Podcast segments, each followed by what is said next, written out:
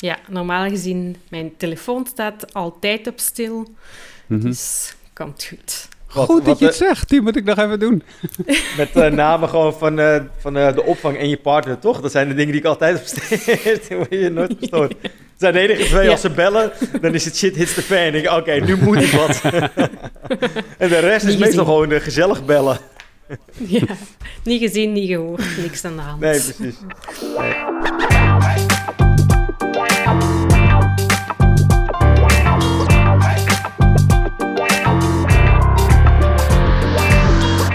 Hey, leuk dat je erbij bent. Welkom bij een nieuwe aflevering van een podcast over voeding. In deze podcastserie van I'm a Foodie gaan we in op hypes en trends, voeding, kindervoeding, beleid, onderzoek. Eh, Bart Mol van I'm a Foodie is natuurlijk weer bij. Hoi Bart. Hey, hallo Arnoud, ik ben er weer. Yes. En vandaag hebben we de gast Rolinde de Meijer. En eh, als je deze podcast al vanaf het begin luistert, dan eh, kun je haar kennen. Want ze zat ook in seizoen aflevering 4 over Help, mijn kindje wil niet eten. En Rolinde is, en dit, dit, dit lijstje heeft Bart exact opgeschreven, Rolinde. Dus ik ga dit ook exact zo, eh, zo noemen. Kinderdiëtist, lactatiekundige, wetenschapper, auteur, spreker en moeder. Klopt. En die laatste is natuurlijk relevant omdat, eh, om, omdat het gaat over kinderen. En dan weet iedereen ook dat je ervaringsdeskundige bent. We zitten hier trouwens met, eh, met drie ouders in de podcast. Dus we weten allemaal hoe het is om kinderen te leren eten. In ieder geval als ervaringsdeskundige. En eh, ja, na het luisteren van deze show weet je meer over het aankomende boek Eet als een expert mini.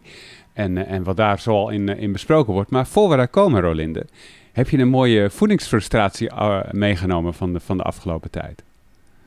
Ja, ehm, de vorige week contacteerden ouders van een kleuter van drie jaar mij.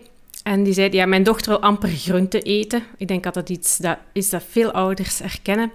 En Mhm. zij hadden het advies gekregen, als je dochter te koppig is om groente te eten, dan moet je als ouder gewoon nog koppiger zijn. En dan zal ze wel eten. En dat is iets... Ja, dan moet ik toch eventjes zuchten als ik dat advies hoor, want ja, dat is ehm, de machtsstrijd op de spits drijven. En ik zeg altijd, in een machtsstrijd over eten zijn alleen maar verliezers. Daar zijn geen winnaars. Dus ehm, ja, dat is iets dat, dat mij een beetje frustreert als ik dat advies hoor, omdat dat ja, geen helpend advies is. Want wat ogen. gebeurt er als je dat doet, als je, als je de machtsstrijd aangaat? Dan ehm eindigen we meestal met gefrustreerde ouders en gefrustreerde kinderen. Ja. En Ja, iedereen is zo. ongelukkig. En waar komt zo'n advies dan vandaan? Waarom, waarom krijgen ze zo'n advies? Of was het gewoon van iemand uit de omgeving? Of was het echt van, van, van professionele hulp die ze hadden ingeroepen? Eh, van professionele hulp, ja. Maar het, is een, allee, het frustreerde mij een beetje omdat het een advies is dat ik best vaak hoor. Mhm. Ehm, en ik denk, ja, dat is van het beeld van het kind eh, doet moeilijk om moeilijk te doen, terwijl dat eigenlijk een vraag om hulp is van kind. Het kind heeft hulp nodig, die, die wil ook niet moeilijk eten. Mhm. Die heeft een beetje hulp en begeleiding en empathie nodig en dan komen we er wel. Maar met eh, koppig tegen koppig vrees ik dat we er niet gaan geraken. Nee, dan wordt het ook niet gezelliger in huis inderdaad. nee, niet bepaald. Nee. Kijk, maar kan je het ook niet wat breder trekken dan? Dat, ehm, als iemand dus koppig is, doet hij dat niet uit om koppig te zijn, maar dat hij zijn hulp nodig heeft eigenlijk. Kan, Ja. ik, kan ik dat eigenlijk overal? Dan kijk ik ook even naar mezelf. Als ik gewoon een keer koppig doe, dat ik dan eigenlijk onbewust misschien een hulp vraag. Of dat ik eigenlijk meer om hulp roep, misschien in stilte. Of in... Dat ik dat, dat Ja, eigenlijk- dat, dat is heel breed getrokken, inderdaad. Maar eh, Ik maak nu gewoon een psychologie eh, podcast van, een podcast over psyche. ja, we zijn van alle markten thuis. Waarin Bart ontdekt dat hij eigenlijk een kind van drie is die eh, moeilijk eet. Ja. Nee, we hebben allemaal ons innerlijk kind, hè? Ja, Ja, nee, dat maar is gewoon waar. als ik denk van, joh, afgelopen weekend was ik ook even bonkig of koppig. Dat ik denk van, nou ja, misschien is dat eigenlijk wel dat ik gewoon eh, een stille hulpvraag had. Mooi ook dat je dan zo, wij zien je dan nadenken over, is dit zo? Volgens mij is dit wel een beetje zo. Mooi Ja, dat ik je vraag hem even aan eh. Rolinde. Misschien heeft Rolinde er wat meer eh, verstand van. Eh, ja, ik ben geen psycholoog hè, voor volwassenen. Ehm, maar het doet mij wel denken aan wat eh, Nina Mouton zegt. Ik weet niet of jullie haar kennen, dat is een Vlaamse psycholoog. En die zegt dan ook, ja, het heeft geen zin om als een kleuter te staan roepen tegen uw kleuter die staat te roepen. Dat, ja. Dat klinkt volstrekt logisch. Ja. Hoewel ik mezelf daar soms ook op betrap. Dat ik roep naar mijn kind, stop bij roepen! Ja.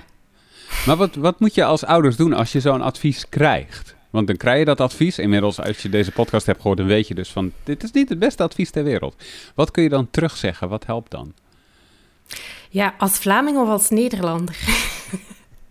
dat we daar ook een Eh, eh, beetje verschillen. Nee, Ehm, alle gekheid op een stokje. Ik denk, ehm, ja, ouders vragen mij soms ook van, ja, wat moet ik dan terugzeggen of wat kan ik dan doen? En ik denk dat het ook altijd ehm, belangrijk is om te kijken wie geeft het advies en ja, heb ik de ruimte om dit gesprek aan te gaan? Want als dat een random buurvrouw op straat is die mij ongevraagd advies geeft, dan denk ik, ja, ene oor in, ander uit. Eh, gaan, we niet, gaan we geen ruzie over maken. Hoeft ook geen ruzie te zijn. Maar ehm, het is ook altijd interessant om te kijken van wat zit er onder die vraag. Hè, bijvoorbeeld als ehm, mijn moeder zegt, zou je niet beter dit of dat? Dan is dat Mhm. eigenlijk een bezorgdheid van haar kant uit. Zij wil het beste voor mij, voor mijn kinderen. En als, je dan ingaat op die bezorgdheid in plaats van ja, het advies dat wordt gegeven, maar die diepere laag, dan kom je vaak een heel stuk verder, omdat daar gaat het eigenlijk over. Ja.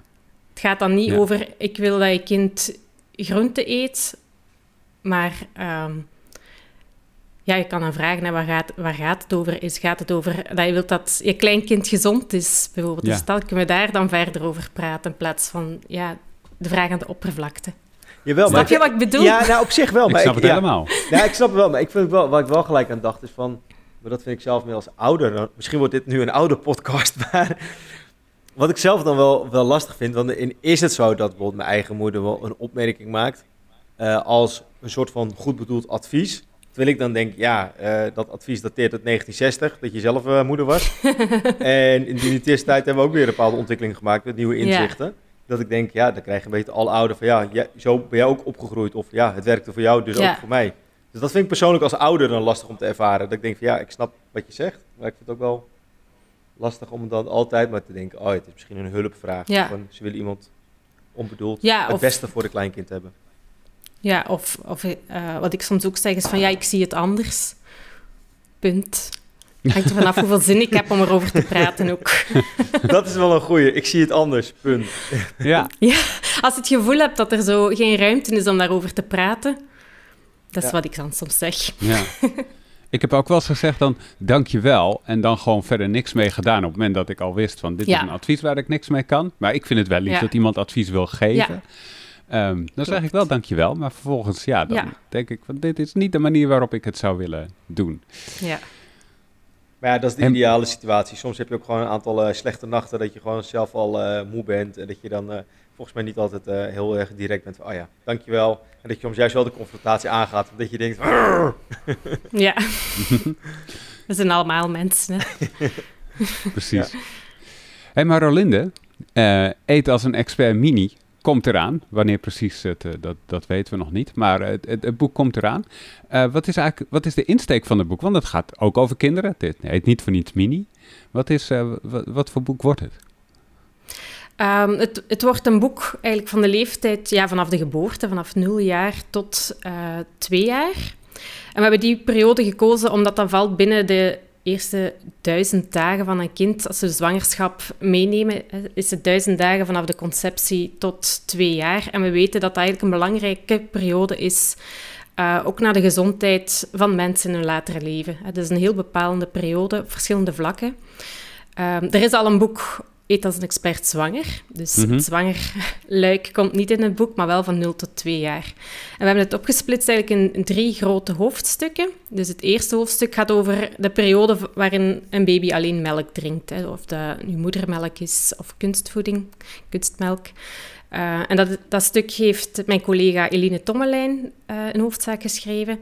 En dan heb ik mij gefocust op de stukken van het moment dat een baby begint te eten. Dus we hebben het opgesplitst in ongeveer zes maanden tot één jaar. En dan één tot twee jaar is een volgend luik.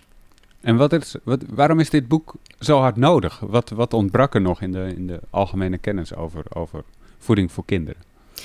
Ja, ik denk dat bij kindervoeding hetzelfde is als bij voeding in het algemeen. Dat er ja, heel veel wordt gezegd. Heel veel tegenstrijdige dingen soms ook. En dat het ja, soms moeilijk is om nog het bos door de bomen te zien of de bomen door het bos. ik vergeet altijd hoe dat het juist is. Want, want het, het, moet een beetje helderheid scheppen in welke adviezen wel zinnig zijn en welke niet. Is, dat, is, is het echt zoals eten als een expert, maar dan voor kleine kinderen? Moet ik het echt zo zien? Is het hetzelfde soort boek? Ja, ja dat denk ik wel. Hè. Ja, dat is in de reeks van Eet als een expert. Of, of zie je het anders, Bart? Ja, nee, in principe uh, klopt, uh, klopt het wel. Eigenlijk is de, de opbouw van onze boeken, in de boekenserie I'm for the Presents, is altijd, uh, heeft eigenlijk drie componenten. Dat is dan de tekst, dat is evidence-based.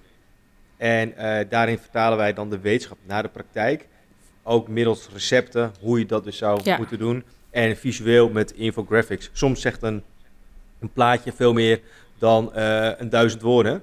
Dus, op, dus dat zijn eigenlijk de drie componenten hoe het boek ook is opgebouwd. Um, eigenlijk is Eet als een expert, wat eigenlijk ook alweer dateert uit 2016, is echt mm gewoon het basis van wat is gezonde voeding, waarom doe je dat, et cetera. En eigenlijk, ja, mini is het met name inderdaad wat, wat, wat Rolinde zei, vanaf de geboorte, in die eerste twee jaar, ook met die eerste duizend dagen, maar ook omdat het, ja, de, het volgt elkaar heel snel op. En daar ja, komen we straks nog even op uh, terug van, ja, borstvoeding of, of in ieder geval dan dan melkvoeding, maar richting uh, introductie van hapjes en uh, vloeibaar en vastvoedsel en met uh, de pot mee eten.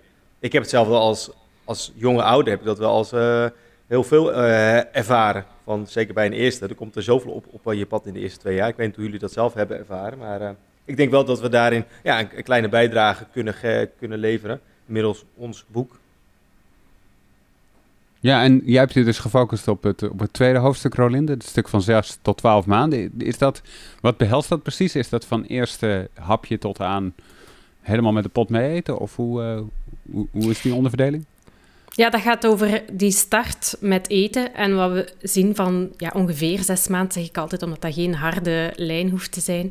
Maar van ongeveer zes maanden tot ongeveer twaalf maanden zien we dat een kind eigenlijk ja, leert eten. En dat er langzaam meer wordt gegeten en dat uh, die voeding de melk, de plaats van melk langzaam inneemt. Maar dat is dus, ik zeg langzaam, omdat dat een heel geleidelijk proces is.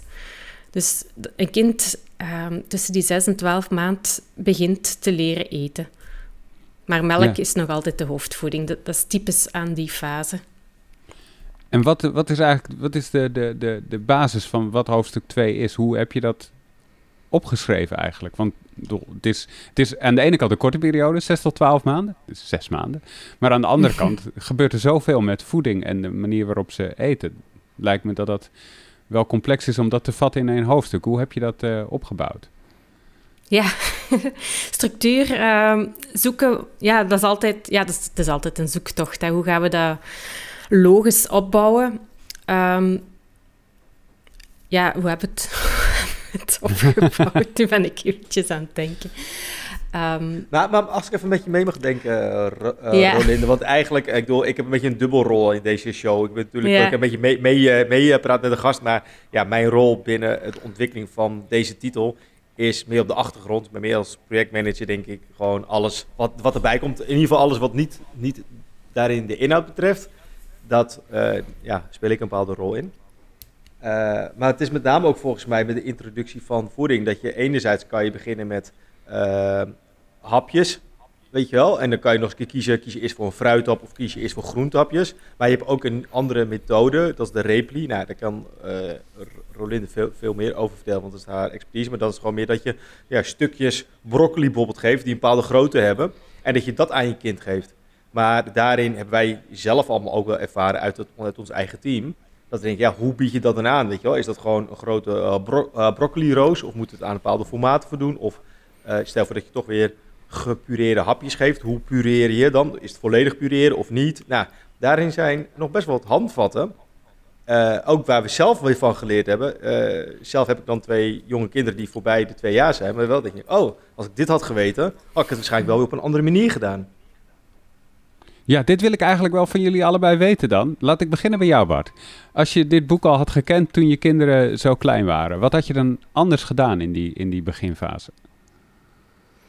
Um, nou, ik moet even, goed, zeggen wat ik zeg. dat moet natuurlijk wel ik wil, wat ik zeg, hè. Het is even een disclaimer. Uh, ik ben dus niet een inhoudsdeskundige. dus als ik het verkeerd heb, uh, Rolinde uh, haken in. Um, ik ben even hard aan het denken. Want we zitten we hebben nu over hoofdstuk 2 en 3. Hè. We hebben namelijk ook nog een keer een show die gaat over borstvoeding en kunstvoeding. Dus daar had ik wel een aantal ideeën bij. Maar dat is dus even een spoiler voor de volgende show. Mhm. Ehm, met name eigenlijk toch wel bepaalde eh, vorkjes en lepeltjes, zeg maar. Dat ik hem eerder zelf heb willen laten eten. Ik denk dat ik, of ik met mijn partner, hem misschien te lang heb, heb, heb, heb gevoed met een lepel, zeg maar. Waarbij misschien ik dat eerder aan hem heb kunnen laten geven, joh, dat hij zelf kan beslissen van...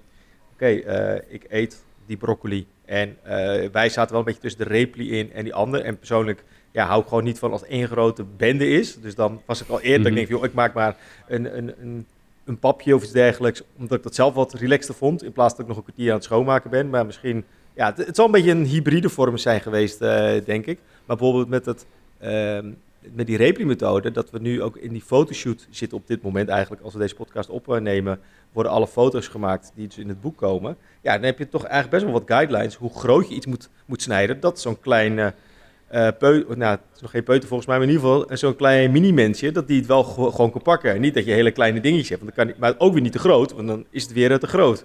Dus nou, daarin zijn er wel bepaalde learnings. Dat ik denk, oh ja, met die kennis voor nu zou ik dat wel net even wat anders heb- hebben gedaan. Ja. En jij, Rolinde? Want jij hebt ook drie kinderen. Eh, eh, wat had jij anders gedaan als je dit allemaal had geweten? Of wist je het al? Dat kan natuurlijk ook. Ja, ik heb eh, hoofdstuk 2 en 3 zelf geschreven, dus in die zin... ehm, maar als ik eventjes terugdenk aan acht jaar geleden, werd ik voor het eerst moeder. En ik herinner mij vooral dat ik best onzeker was. En ik vond dat zo een verpletterende verantwoordelijkheid die ik plots kreeg. Ik kreeg die drie kilo in mijn armen en ja, hou het kind maar in leven. Ja. Dus eh, dat is zo, zo kwetsbaar. Hij wil dat, dat niet verknoeien tussen aanhalingstekens. Allee, dat is, ja, dat is gewoon heel spannend dan. Ik was best onzeker. En ik was toen nog heel erg overtuigd van... Ik kan het juist doen of minder juist. En ik wil het juist doen voor Ja. mijn kind. Eh, waardoor dat ik ja, veel meer luister naar wat anderen zeiden. En ook meer zo naar cijfers. Bijvoorbeeld... ehm, ze mag niet langer dan zoveel minuten aan de borst. Maar ze, ging, ze was wel langer aan de borst, maar dat was geen probleem op zich. Maar in mijn hoofd wel, want de regels zeggen. Hè, dus ik, ja, ik, ik kon nog niet zo goed kijken naar mijn eigen kind. En ook als ik denk bijvoorbeeld, eh, als we het eventjes over hoofdstuk 2 hebben, over dat starten met vaste voeding. Eh, ik heb bij alle drie mijn kindjes de Rapley-methode gevolgd, dus stukjes vanaf het begin. Ik had mij daar ook in ingelezen. Maar eh, heel vaak wordt er gezegd, ja, dat is, we starten met vaste voeding op zes maand. Dus in mijn hoofd was dat dan ook, hè, mijn dochter is geboren op 3 augustus, dus 3 februari starten we. Bij Oh, wauw. Zes maand, exact. Heel precies. Ehm, en bij kind 2 was het ook exact zes maand. Maar wat zag ik dan? Eh, mijn oudste, die was eigenlijk al een paar weken klaar om te eten als ze zes maand was. Ehm, maar kind 2, onze middelste, die was eigenlijk nog niet klaar om te eten op zes maand. En maar ik had haar wel al in de stoel gezet. En hoe zie je dat een kind klaar is om te gaan eten? Dus als hij stevig kan zitten, interesse heeft in voeding, ernaar gaat grijpen. Ik zet haar in haar eetstoel en ze viel... Is dat heel Vlaams om te zeggen? Als een patattenzak. Ja, dat is heel erg Vlaams inderdaad. Kunnen we ook nog wel over hebben hoor, dat het Vlaams-Nederlands dat wel een uitdaging is. Als een aardappelzak. Bloempudding. Eh, ja, dus ze kon niet mooi recht zitten. Eh, maar een paar weken later, hè, dat, want die ontwikkeling dat gaat razendsnel op die leeftijd. Ja. Een paar weken later was ze daar perfect klaar voor. Dus bij onze jongste, ehm, ja, daar kon ik al veel gemakkelijker gewoon naar hem kijken. En dan kon ik die kalender en die regels en zo allemaal veel beter loslaten. En ik zag een week voor hij zes maanden werd, hij, hij wou het eten uit ons bord halen enzovoort. Toen dacht ik, oké, je bent nog niet dag op dag zes maand, maar je bent ongeveer zes maand. Doe mee, chill. En er zijn natuurlijk bepaalde richtlijnen die belangrijk zijn om te weten. Hè? Bepaalde dingetjes zijn wel goed om te weten, daarom wordt het boek ook geschreven. Maar binnen die, die richtlijnen is er ook nog heel veel vrijheid tussen aanhalingstekens om te kijken naar je kind en op een manier in te vullen die past bij je gezin. Dat is ook een belangrijke insteek in het boek, dat dat niet allemaal rigide richtlijnen zijn van je moet gewoon dit stappenplan volgen. Nee, we geven mee wat belangrijk is om te weten en dan verschillende manieren waarop dat je het kan invullen. We hebben het gehad over hapjes eten, over stukjes eten. En we hebben er heel bewust voor gekozen in het boek om dat niet op te splitsen als dit is het stuk over hapjes, dit is het stuk over, over stukjes. Maar dat we dat, maar dat, we dat uh, samen schrijven, waardoor je ook het gevoel hebt van ik kan kiezen voor het een of het ander of een combi. Ja. En, ja. Ja, en nog even op aanvulling wat uh, Ro, uh, Rolinde zegt. Dat was inderdaad ook wel een eigen learning. Gewoon inderdaad meekijken waar je kind wanneer klaar voor is. Of als hij eet, uh, eet hij of als hij niet eet, weet je dat je het aanbiedt, zeg maar. In plaats van, oh ja, ja nu, deze week moet ik dit doen. Of dat je zegt, oh ja, uh, nog uh, drie hapjes nemen, terwijl je eigenlijk al gewoon vol zit. Terwijl, ja, het heeft ook gewoon met je eigen kenniservaring te, ja, te maken. Dat hele intuïtieve eten zijn, je biedt het aan. En de ene keer he, eet hij wel heel veel en de andere keer zit hij gewoon wat, is hij wat meer verzadigd. Wat op zich logisch is, als hij heel goed en ontbeten heeft of een ander hap heel goed heeft gegeten, kan ik me voorstellen dat hij ja, een paar uur later misschien nog niet ready is voor het volgende hapje. In plaats van dat je denkt, oh ja, ik ben nu drie uur later, ik moet het klokslag op die manier doen. Want dat wordt geadviseerd uit, uit alle kanten. Ja, dat is ook wel, ik moet zeggen, dat is ook iets wat ik me herinner uit de babytijd van mijn kinderen. Dat er komen zoveel van die adviezen op je af. Dus sommige professioneel, sommige inderdaad, zoals jij zei, Bart, van ouders die in een andere tijd uh, kinderen hadden.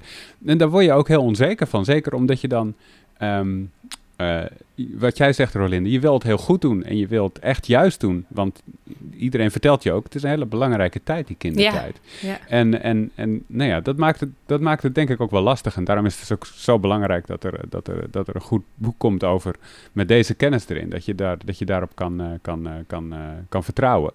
Um, maar Rolinde, naast hoofdstuk 2 heb je volgens mij ook hoofdstuk 3 grotendeels gemaakt. welke fase zitten we dan in? Dat is dan uh, van 12 tot 24 maanden, dus 1 tot 2 jaar. En wat is er dan veranderd in die tijd? Wat, wat, wat, wat ga je dan, uh, wat, wat bespreek je dan in dat hoofdstuk? Uh, wat verschillend is met het hoofdstuk daarvoor, is dat melk niet meer de hoofdvoeding is.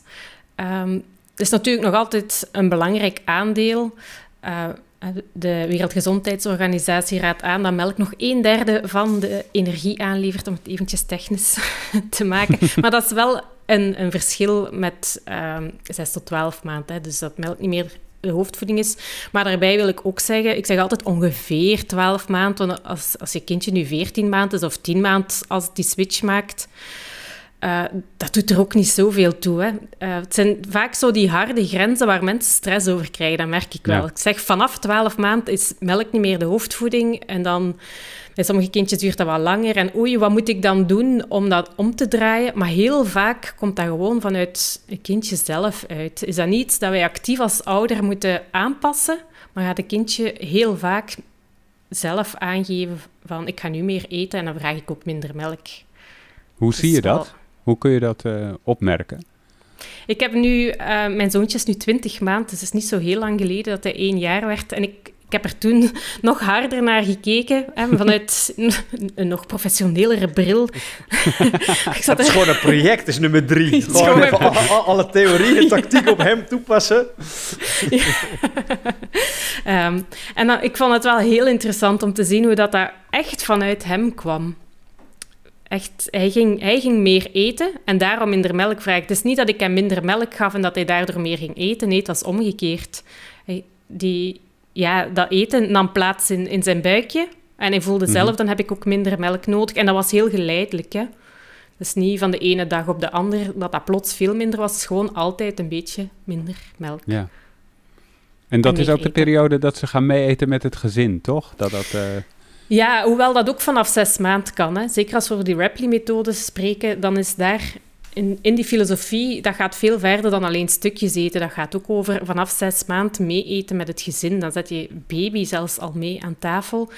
Mm. Um, maar algemener um, ja, is vanaf twaalf maanden ook wel echt het moment om je kindje mee aan tafel te zetten. Mee te laten eten met de rest van het gezin.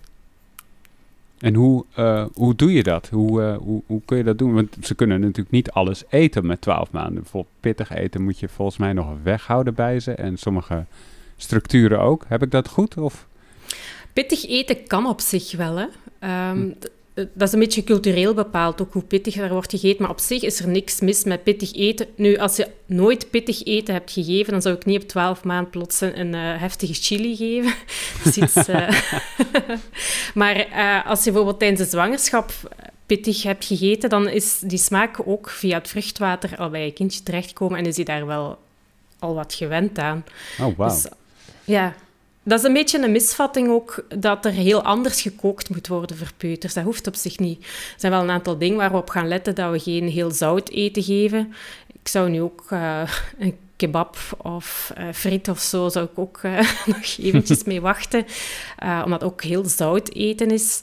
Uh, en natuurlijk bepaalde texturen. Een kind van 12 maanden heeft nog niet al zijn tanden, heeft ook nog die mondmotoriek niet, zoals, zoals een volwassene. Dus echt hele harde dingen.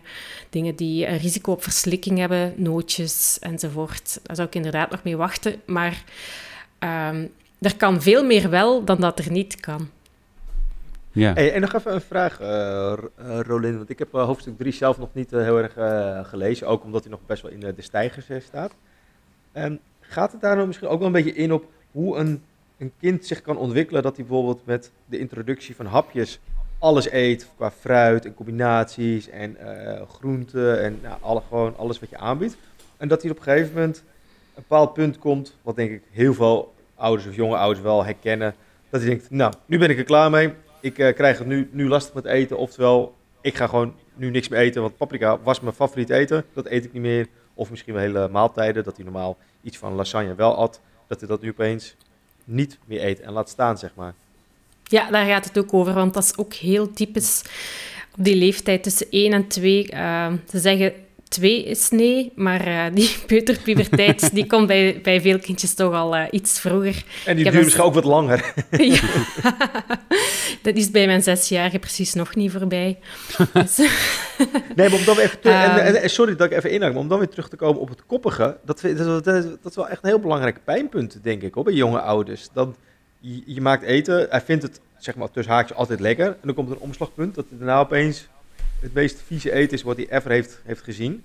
En ik heb een eerder, eerdere show van jou begrepen, je mag niet zeggen of spreken van, uh, ik heb een moeilijke eter, maar hij heeft het lastig met eten. Ja, klopt. Toch? Ja, ja, klopt. Dat is, uh, dat is mijn slagzinnetje een beetje. ja, dat begint zo rond anderhalf jaar bij veel kindjes, dat ze wat selectiever worden in hun eten. En uh, ik heb het in de andere podcastaflevering er ook over gehad, dat dat een heel natuurlijke fase in de ontwikkeling is. Eigenlijk zouden er zo van die mijlpaard, mijlpaalkaartjes moeten bestaan van... Uh, hoera, ik begin moeilijk te eten. dat, is eigenlijk, dat is eigenlijk een heel normale fase. Zoals een kind dat leert zitten of, uh, of, stappen, is dat moeilijk eten ook een fase die ook weer voorbij gaat. Hè? Dus een teken dat hij weer verder ontwikkeld is mentaal. Hoewel dat niet zo voelt, hè. dat voelt heel vaak als een stap terug. Nou, ik wou zeggen, ik uh, voel dat tot op heden nog niet als een mijlpaal vooruit. nee, dat is geen hoera-punt. Yes. Het is meer dat ik denk, oké, ik word zelf als ouder word ik aan alle kanten uitgedaagd van, oké, hoe ga ik hem een soort van gevarieerd eetpatroon aanbieden dat hij ook nog dat gaat eten, zeg maar. In plaats van dat ik zijn top drie dingen blijf aanbieden. Hoewel zijn top drie dus ook regelmatig verandert. verandert. Ja, dat is ook niet, bedoel, niet de bedoeling van alleen de favorieten te blijven aanbieden. Want zo zie ik het wel als taak van een ouder om variatie te blijven aanbieden. En je kind bloot te stellen aan van alles. Ehm, maar de druk van hoeveel er wordt gegeten en wat er wordt geproefd, van die wel los te laten. Maar dat wil niet zeggen dat alles zomaar moet losgelaten worden en dat je kind niet mag begeleiden in dat eetavontuur. Nee. Maar daarin komen dus wel een aantal uh, hele concrete voorbeelden, ja. ook tips en tricks hoe je dat kan doen. Want dit zijn even wat uh, ja. teasers. Hè? We moeten de, de, deze ja, show doen we natuurlijk allemaal het boek een beetje ervoor te promoten. dus daar gaan we dus goed, dat komt terug. Ja, daar komen tips over in en wat geruststelling ook, wat normaal is. Uh, maar inderdaad, ook heel concrete tips ook. Ja, want ik heb eigenlijk al even een vraag, of dat er misschien ook in terugkomt. Want de rol van kind 2 of 3 heeft ook best wel impact, vind ik, op elkaar. Want uh, even heel anekdotisch, een voorbeeld van mijzelf. Dat uh, kind nummer 2, die eet echt alles. Maar zodra kind nummer 1 zegt van... Ja, nee, die ziet het bord. Nee, ik, uh, ik heb geen trek. Zie je nummer 2 gelijk ook het bord wegduwen. Nee, ik ben klaar. Wat de fuck? ik bedoel, je eet al, je vindt het hartstikke lekker. Terwijl als ik met hem een kwartier eerder alleen ga eten, dan eet hij heel zijn bordje op. Want dan is hij lekker aan het smullen. Dus daarin, dat vind ik ook nog een bepaalde dynamiek. Dat ik denk van ja, Soms ga ik alleen even met hem eten, omdat ik weet dat hij het wel eet. Want als ik het bij elkaar zet, die, uh, die twee, ja, dan weet ik wel, eh, als nummer 1 gaat eh, muiten, dan gaat eh, nummer 2 die denkt, hey, dat is eh, een goed idee. Ja, dat is next level hè, met meerdere kinderen. Ja, maar vertel je daar nog, nog iets over, hoe je daar met de, de dynamiek aan, aan, aan tafel? Ehm, met meerdere kinderen zit er op dit moment niet in, maar het is nog niet finaal. Het hoofdstuk, we kunnen het er nog over hebben. Oké, nou, misschien een goede tip voor de aankomende meeting om even te gaan bespreken. Oké. En Bart, het kan op een gegeven moment natuurlijk ook omgekeerd gaan werken. Die anekdote kan ik dan weer meebrengen.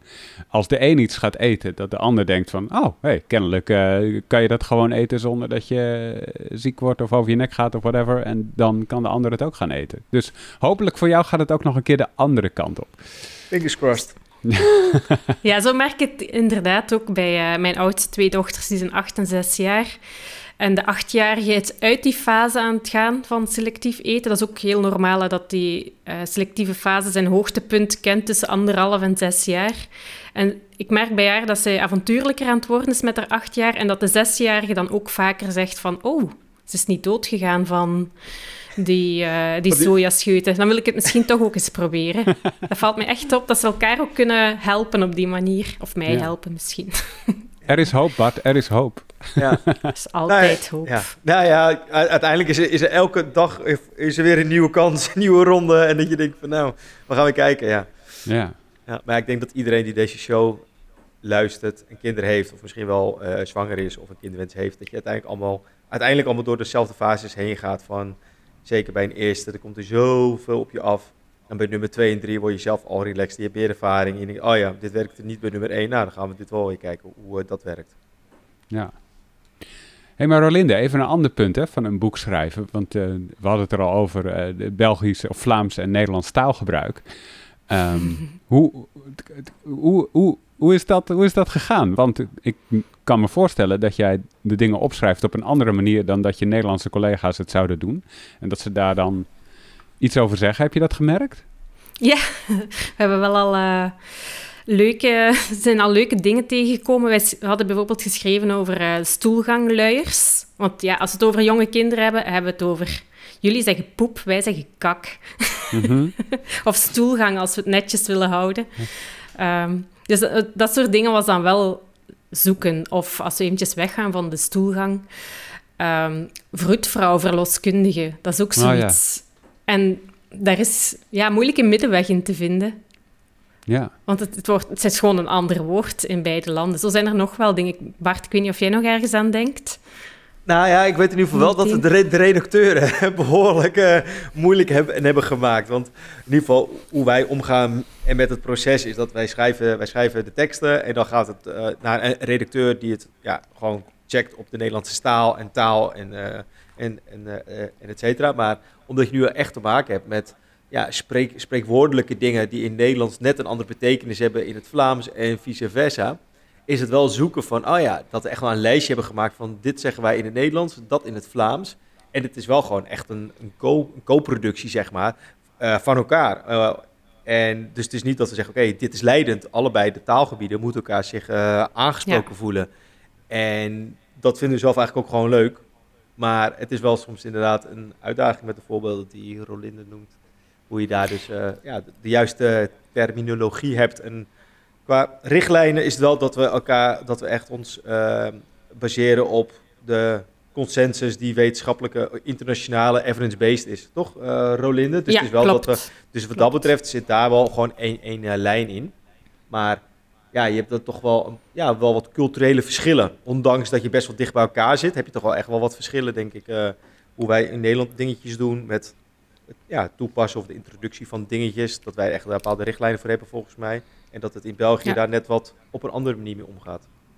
Oh, Ja, je, klopt. je bedoelt niet de taalkundige verschillen, maar adviezen van, van, van eh, het overheidscentra daarvoor? En, en is, gaat het daarover, Rolinde? Is, is, verschilt Ja, dat die, nog? is- ja die daar zijn ook eh, verschillen. Bijvoorbeeld als het gaat over groeimelk. eh, in België wordt aangeraden tot drie jaar groeimelk te geven. In Nederland wordt gezegd vanaf één jaar halfvolle melk. Dat zijn zo van die dingen. Dan, ehm, ja, dan zoomen we eventjes uit. We kijken wat de internationale literatuur zegt en, en eh, we komen tot een consensus. Ja. Dus het is niet de bedoeling om uh, de richtlijnen van het ene of het andere land te volgen, maar ja, we werken evidence-based. Kijk, zoomen eventjes uit. Hoe kunnen we tot een wetenschappelijk onderbouwde consensus komen? En het gaat Ja. ook over, eh, niet alleen over richtlijnen, maar ook over voedingsgewoontes. Zoals bijvoorbeeld een liga, diksap. Dat zijn dingen dat wij in Vlaanderen niet kennen. Dat doen wij Mhm. niet. Dus eh, dan is het wel handig dat hè, bijvoorbeeld Marijke dan ook door de tekst gaat en zegt... Hé, hey, maar je schrijft hier eh, over deze mogelijkheden als tussendoortje of als, als drinken of zo. Maar heb je daar en daar ook aan gedacht? Denk, oh, dan moet je eventjes opzoeken, wat is dat? En dan vullen we dat aan. Zodat het inderdaad voor beide landen wel interessant is. Maar ik hoop toch wel, Rolinde, dat een paar van je mooie Vlaamse eh, eh, taal, eh, taal van, van je mooie Vlaamse taalgebruik, dat daar nog wel wat van overblijft als het boek uiteindelijk naar de drukker gaat. Dat zou wel mooi zijn. We geven het door aan de redacteur. hè? Nou, volgens mij hebben we wel een soort van een middenlijn gevonden, toch? Ja, ja, ja, ja, ja. We zeiden ook, het, eh, het mag een beetje ja, van de schrijvers blijven ook, hè, dat het niet helemaal anders is geschreven. Maar ik denk dat dat wel het geval is. Hè. Het is begrijpbaar en nog steeds van ons. Maar Rolinde, wat heb jij nou geleerd van het schrijven van dit boek? Zijn er dingen waar jij achter bent gekomen in de loop van eh, de research? Ehm, hm. Moet ik eventjes nadenken. Nou, of, of dat je misschien nu met de kennis van nu, zeg maar, want ik zei, jouw oud, ja, alle drie kinderen zijn eigenlijk al voorbij de leeftijd van twee. Nou, in ieder geval de jongste, de jongste dan nog niet, nee. nog niet, nee. Maar heb je dan learnings, zeg maar, van name bij die nummer van 8 en 6, dat je denkt van, oh ja, met die kennis van nu had ik dit, wel- dit wel anders aangepast, aange- aangepakt? Ehm, ja, het gaat over de, ja, wat ik daar straks ook zei, over eh waar relaxter daarin zijn in bepaalde dingen. Ehm, hun nog meer naar hunzelf kijken in plaats van, van die richtlijnen. Ehm, ja, het zijn vooral die dingen. En ik denk dat ik ook nog wat beter zou opgelet hebben met de hoeveelheden kaas en dat soort dingen als ze peuter waren. Vandaar nog wat meer te variëren in beleg op een brood bijvoorbeeld. Er staan nu een aantal hele leuke recepten in het boek als broodbeleg voor jonge kindjes, denk ik, ja, dat had ik nog wel meer willen doen. Weg van het klassieke, hè, Mhm. Gewend zijn van snel in huis te halen. Ja, dat je weg van dat je alleen even een eh, banaan pakt, dat je die even prakt. En dat je, dat dus, dat je eigenlijk elke dag een eh, bananenhapje geeft. Maar eh, om even de verwachtingen te managen van, van de luisteraar, het zijn dus niet hele composities die je maakt. Hè. Het is niet zo dat je een heel mooi gestileerd ding hebt, want dat heb- hebben we zelf ook wel. Die Ah, ja, tijd, nee. energie heb je niet. Dus het zijn hele praktische dingen die je maakt, maar wel dat Ja. je ook, en, en qua smaak wel wat leuke variaties maakt. Want als je, ja, weet ik veel, maar doe ik in combinatie met eh pastinaak en aardappel of zo, weet je wel. Dat zijn, ja, zo, ik vond het zelf eigenlijk ook gewoon lekker. maar dan, Ja. dat zijn wel gewoon net een wat leukere twisten, zeg maar, dat je dat allemaal kan aanbieden. Ja, wil inderdaad wegblijven van eh, de kunstwerken, dat een, een fruithapje een visje moet zijn, dat tussen gestileerde palmbomen van kiwi zwemt. Dat, is- hebben we, allee, als iemand dat graag doet, prima. Maar ik, eh, ik doe dat zelf bijvoorbeeld niet graag en ik heb daar ook geen tijd voor. Maar eh, dat is iets waar we rekening mee hebben gehouden bij de recepten, dat het snel is, makkelijk en geen hele gekke ingrediënten. Ja, het is, het is voor jonge ouders geschreven en dat zijn we alle drie, denk Mhm. ik. Ja. En de schrijvers ook. Dus eh, ja, we weten wat belangrijk is daarin. Hè? Gelukkig dat jullie wel tijd hebben gevonden om het, eh, om het boek te maken. Nou, we zijn ook al een tijdje bezig hoor, Arnoud. Want is, eh, we zijn in 2020 zijn we begonnen met het eerste concept. En ja, weet je, het is ook gewoon eh, schrijven is eh, schrappen. Dus het is ook gewoon dat je een bepaalde invalshoek pakt en dat je denkt, oké, is dit... is dit het en niet? Ja, en we zijn wat dat betreft ook allemaal gewoon jonge ouders met drukke gezinnen en allerlei andere projecten die je, die je ernaast hebt. Maar wat ik persoonlijk wel echt heel gaaf vind om te zien, we zitten nu echt wel in die eindfase met het manuscript. En dat we ook een oproep hebben gedaan voor mensen die het willen tegenlezen. Omdat voor ons wel altijd echt de basis is. Wij schrijven het boek niet voor onszelf. Het is wel echt voor die eh, jonge ouders die nu zwanger zijn. Of misschien die ouders die juist al een kindje of meerdere kindjes in die leeftijd hebben. Om die daarin gewoon echt eh, een praktisch ja, boek te geven. Dat zeggen, oké, op deze manier kan je echt ontzorgd raken. Dat we ook eh, en mocht je dit horen, kan je jezelf nog steeds opgeven als je wil eh, tegenlezen of een stukje wil, eh, wil, wil meelezen. Van, dat we ook vragen van, hebben we dit duidelijk verwoord? Is het ook realistisch of denk je dat het realistisch is? En dat je dus op die manier echt een heel relevant boek maakt voor de mensen. Ja, dat dat, die het echt ja, kunnen toe, toepassen. Wacht, even terug Bart. Hoe kunnen mensen zich daarvoor aanmelden als ze, als ze denken van... hé, hey, dat is leuk, dat, ik wil wel helpen met de ontwikkeling van het boek? Ja, ik zal er... eh, nou, het is niet echt meehelpen met de ontwikkeling. Het is meer het tegenlezen van een aantal passages. Eh, omdat we een aantal personas hebben geformuleerd. Bijvoorbeeld eh, een jonge vader eh, die een kindje heeft bijvoorbeeld van anderhalf jaar. Ja, die zal eerder hoofdstuk 3 lezen, daarop focussen. En dan zijn die eerste twee hoofdstukken zijn dan minder relevant. Nou, daarin hebben we wat personages ontwikkeld. En om antwoord te geven op die vraag, in de show notes zal ik een link zetten. Waarin mensen hun gegevens kunnen achterlaten. Eh, ja, ik wil wel aangeven dat als je opgeeft, wil niet direct zeggen dat je ook gaat eh, tegenlezen. Het is meer eventjes van, nou, dan, kom je op de lijst en dan gaan we op dat moment even kijken eh, welke mensen op dat moment we kunnen selecteren om eh passages te gaan doen. Overigens zit er ook wel een beetje weer een tijdsdruk op, want het is nu oktober. Ja, denk dat we het boek medio eh, december toch echt wel bij de drukker willen hebben liggen, of rond januari. Ik voer de druk al even op richting eh, Rolinde en de rest van het team. dus dat we, denk ik... Duidelijk. eh, nee, maar dit, het is wel dat, dat we de pre-order ehm, eh, binnenkort wel gaan eh, lanceren. Eh, en ik denk dat het wel ja, Q1 of maart 2022, dat we dan het boek echt wel willen uitbrengen. Mhm. Eh, dat het ook gewoon eh, ja, een goed moment is. Ja. En kan je het al, kan je het al pre-orderen eigenlijk? Is het al, kan je het al zorgen dat je het in huis hebt als het helemaal uitkomt? Nou, met de pre-order, eh, ik, ik bedoel in ieder geval dat we me over een aantal, eh, zeg binnen nu een, week of twee weken, denk ik wel dat, eh, dat, we de, dat we de cover gaan lanceren. Dan kunnen mensen bestellen en op het moment als mensen bestellen, hebben ze in ieder geval de zekerheid dat ze een exemplaar uit de eerste druk eh, krijgen. Mhm. En die zal dan denk ik medio maart 2022 worden verzonden. Yes. Hey Rolinde, en dan heb ik als laatste vraag aan jou. De laatste vraag die ik altijd stel, namelijk wie zouden we nog meer te gast moeten hebben in deze podcastserie? Jullie hebben Eline Tommelijn toch al uitgenodigd, hè? Mijn co-auteur. Nou, zo'n goede tip. Misschien moeten we dat een keer gaan doen. Nee, zonder gekheid. Eh, die staat ze- zeker op de rol. Met eh, Eline gaan we het hebben over eh, hoofdstuk 1. Dat is zeg maar vanaf geboorte en dan introductie. Ja, het is niet introductie van voeding of van melk, maar het is eigenlijk gewoon borstvoeding slash, eh, slash kunstvoeding. Zeg ik dat zo goed of hebben we het er gewoon over Eh, melk? Ja, ja ik, ik ben nu eventjes aan het twijfelen of we voor de term kunstvoeding of kunstmelk hebben gekozen. Want dat is ook zo'n eh, discussiepuntje. Hè? Ja. Ik weet niet wat het uiteindelijk is geworden, nu twijfel ik. Je kan, vraag het aan Eline, vraag het aan Eline. Ze gaat Ja. het beste kunnen, kunnen antwoorden. Ja. Ja, maar die, die, die in ieder geval. Heb je nog andere eh, gasten uit eh, Eh, bedoelen jullie iemand voor kindervoeding? wat jij wil? Ja, ehm, ik, ik denk bijvoorbeeld aan ehm Lisbeth de Jong. Van, eh, zij is eh, ehm, docent bij de opleiding kinderdiëtetiek in de Han in Nijmegen. En daar heb ik mijn opleiding kinderdiëtetiek, wat een moeilijk woord, ook gedaan. Mhm. Dus, eh, En wat is haar specialisme, zei je? Want ik, eh, kindervoeding. Oh, kindervoeding. Oké. Ik weet ook. Yes, dat is een leuke. Oké, cool. Helemaal thanks. goed. Ja, staat genoteerd, eh, Rolinde. Hey, en tot slot Bart, heb jij nog dingen vanuit I'm a Foodie, behalve dit boek, die je nog even onder de aandacht wil brengen tot slot? Nee, ik vind dat deze podcast gewoon alleen over, de, over dit nieuwe boek eh, moet gaan. Dus eh, de rest van de, alle andere dingen, die kunnen mensen vanzelf al even googlen. Yes, helemaal goed.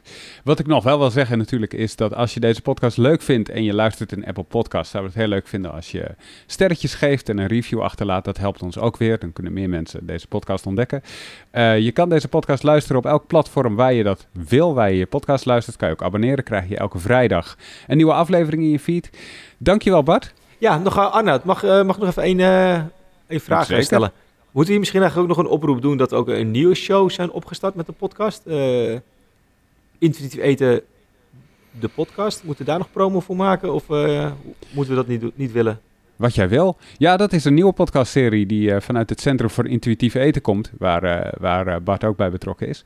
Met dezelfde stemmen in de podcast, maar dan gaat het over intuïtief eten. De eerste aflevering is met Marijke, eh, oprichter natuurlijk van het Centrum voor Intuïtief Eten. Die staat al live. Die kwam afgelopen maandag kwam die, eh, kwam die online. Kan je dus luisteren. Hartstikke leuk als je dat ook luistert. Als, eh, als, eh, als, je, als je deze podcast ook leuk, leuk vindt, dan vind je denk ik die ook leuk. Hey Rolinde, dankjewel dat je in deze podcast aanwezig was. Heel graag gedaan. Dank je voor de uitnodiging. En eh, jij, dankjewel voor het luisteren. En tot de volgende keer. Doei doei!